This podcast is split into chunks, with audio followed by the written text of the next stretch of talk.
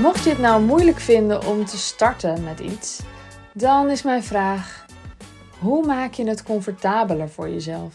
Want ik ben er helemaal voor om jezelf uit te dagen, om eens buiten je comfortzone te treden. En ik zeg ook wel eens: buiten je comfortzone is het leuker.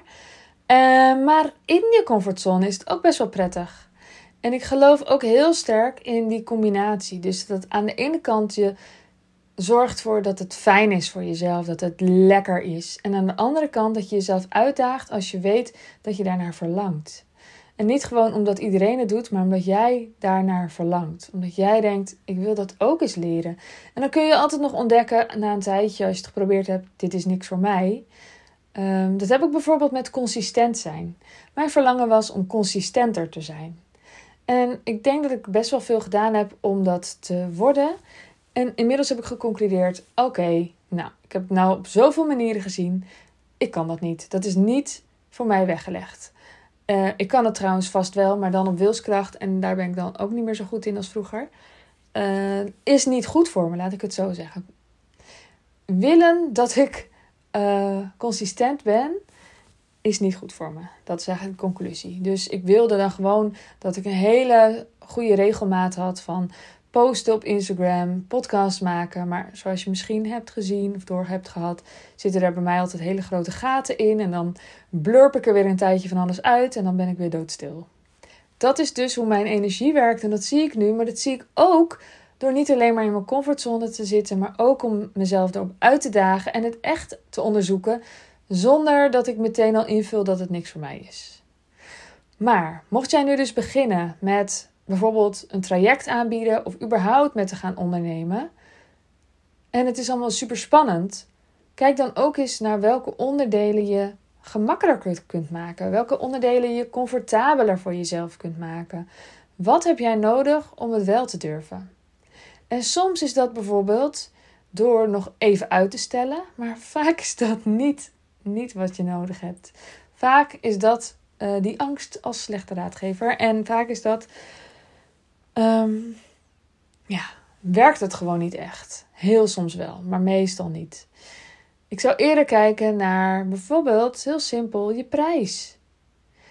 Als je het lager maakt, durf je het dan wel? Als je voelt, nou, voor de klant is er niks te verliezen. En het is de enige manier waarop je denkt, maar dan durf ik het wel. Doe het dan. Ook al zegt iedereen dat je een hoge prijs moet vragen. Zoals ik in de vorige aflevering zei, het is het belangrijkste dat je dan gewoon los bent. Dat je gestart bent, dat je feedback krijgt, dat je in de game zit, dat je ermee aan de slag bent, dat jij die nieuwe identiteit omarmt, dat je nu dus dit doet. Dit is wat je nu doet en misschien doe je er nog dingen naast, maar in ieder geval dat het al aan het gebeuren is en niet dat het iets in de toekomst blijft.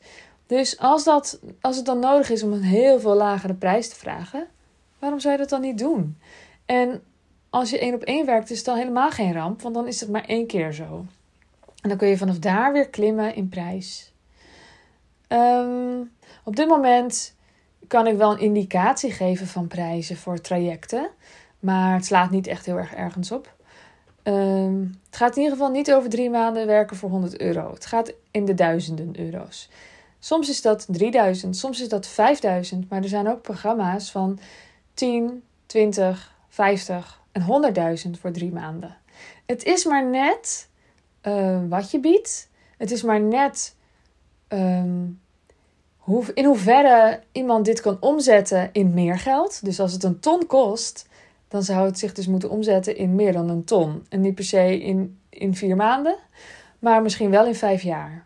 Dat iemand er zoveel van leert dat diegene dat zo nodig heeft dat het zich dus omzet. En het heeft ook te maken met wat voor soort klant je hebt. Ben jij uh, op zoek naar een beginner? Of is jouw klant meer iemand die al best ver is en um, nog een bepaalde hobbel over moet om ineens te kunnen vlammen?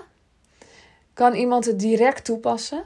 Of uh, is iemand eigenlijk uh, te bang om het te gebruiken?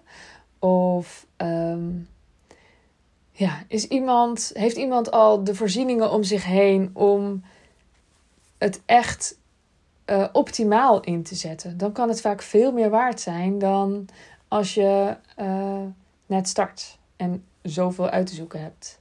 Dus even kijken hoor of ik snel een voorbeeld kan noemen. Ik zit een beetje te zoeken nu. Ehm, stel dat je, nou ja, laten we zeggen, stel dat jij een ondernemerscursus geeft aan nieuwe ondernemers. En je leert ze hoe ze zo snel mogelijk uh, een online business kunnen runnen met. Uh, of een online webshop kunnen starten. Met inkoop, verkoop, alle, alle dingen. Kan je dan uh, mensen die net starten het ze snel laten omzetten? Of is in jouw geval handiger om te kiezen voor mensen die al aan het ondernemen waren, maar nu gewoon een webshop willen en niet meer bijvoorbeeld um, cursussen deden. Is het handig als mensen al een bepaalde voorkennis hebben? Ik ben me ervan bewust dat dit echt een super slecht voorbeeld was, maar ik ga het er toch in laten. En wie weet popt er nog iets op straks. Oké, beter voorbeeld. Stel dat jij iemand helpt met zijn eigen relatie. En diegene die um, zit in de bijstand en uh, je helpt diegene dat de relatie fijn blijft. Dat is echt super fijn. Super fijn. Aan de andere kant kan diegene die vertaalslag misschien niet maken om die investering ook weer snel terug te verdienen. Oké, misschien werkt die, is diegene niet in de bijstand, maar werkt die in het onderwijs. Kan diegene het niet snel vertalen in geld. Dus dan kan je zeggen, nou ja, uh, is het even goed uh, 2000, 3000 euro. Um, of 800 euro. Maar als het een ondernemer is die al uh, vijf bedrijven heeft staan en zijn relatie knalt uit elkaar. En daardoor wiebelt alles, al die vijf bedrijven die nog afhankelijk zijn van haar. Dan kan het, zich, kan het heel erg veel geld waard zijn. Dan kan je misschien wel zeggen: um, het kost je een ton. En ik ga je de hele dag, elke dag helpen. Of niet eens elke dag. Maar ik ga je heel intensief helpen om ervoor te zorgen dat je relatie goed blijft. En we gaan met, uh, met, met je partner erbij allemaal sessies doen. En we gaan een hele week op retreat. En, en, je, en daardoor klappen je bedrijven niet uit elkaar. Dan is het natuurlijk veel meer waard. Dus ik hoop dat je een beetje snapt wat ik bedoel. Het is allemaal lastig. En gaan we dan niemand meer helpen die het laag inkomen heeft? Dat zeg ik niet. Maar het heeft wel te maken met de prijs die je kunt vragen. Dus het is gewoon iets om rekening mee te houden.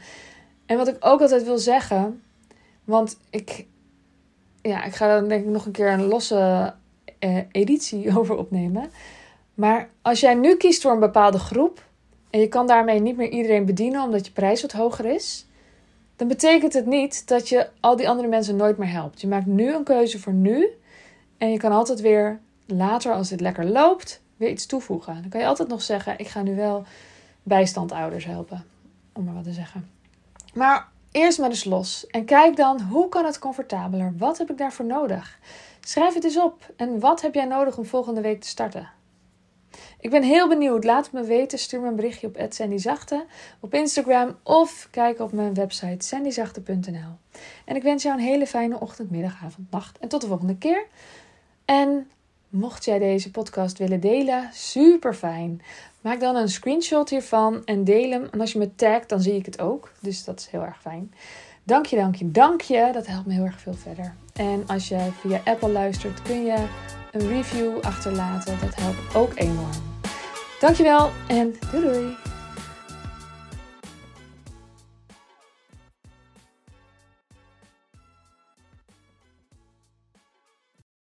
Wil jij bouwen aan 10 keer meer eigenaarschap over je leven?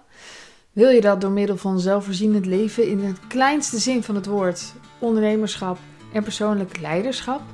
Kom dan bij Community Leven in Vrijheid, waarin een hele groep wilde mensen is die hier ook mee bezig zijn, die dit ook willen en die heel graag met je willen uitwisselen. Over moestuinieren, over grootse plannen, over hun eigen bedrijf opbouwen, over allerlei aspecten die allemaal samen zorgen voor een, een leven buiten de logge systemen. Ga naar wildemens.nl als je erbij wilt.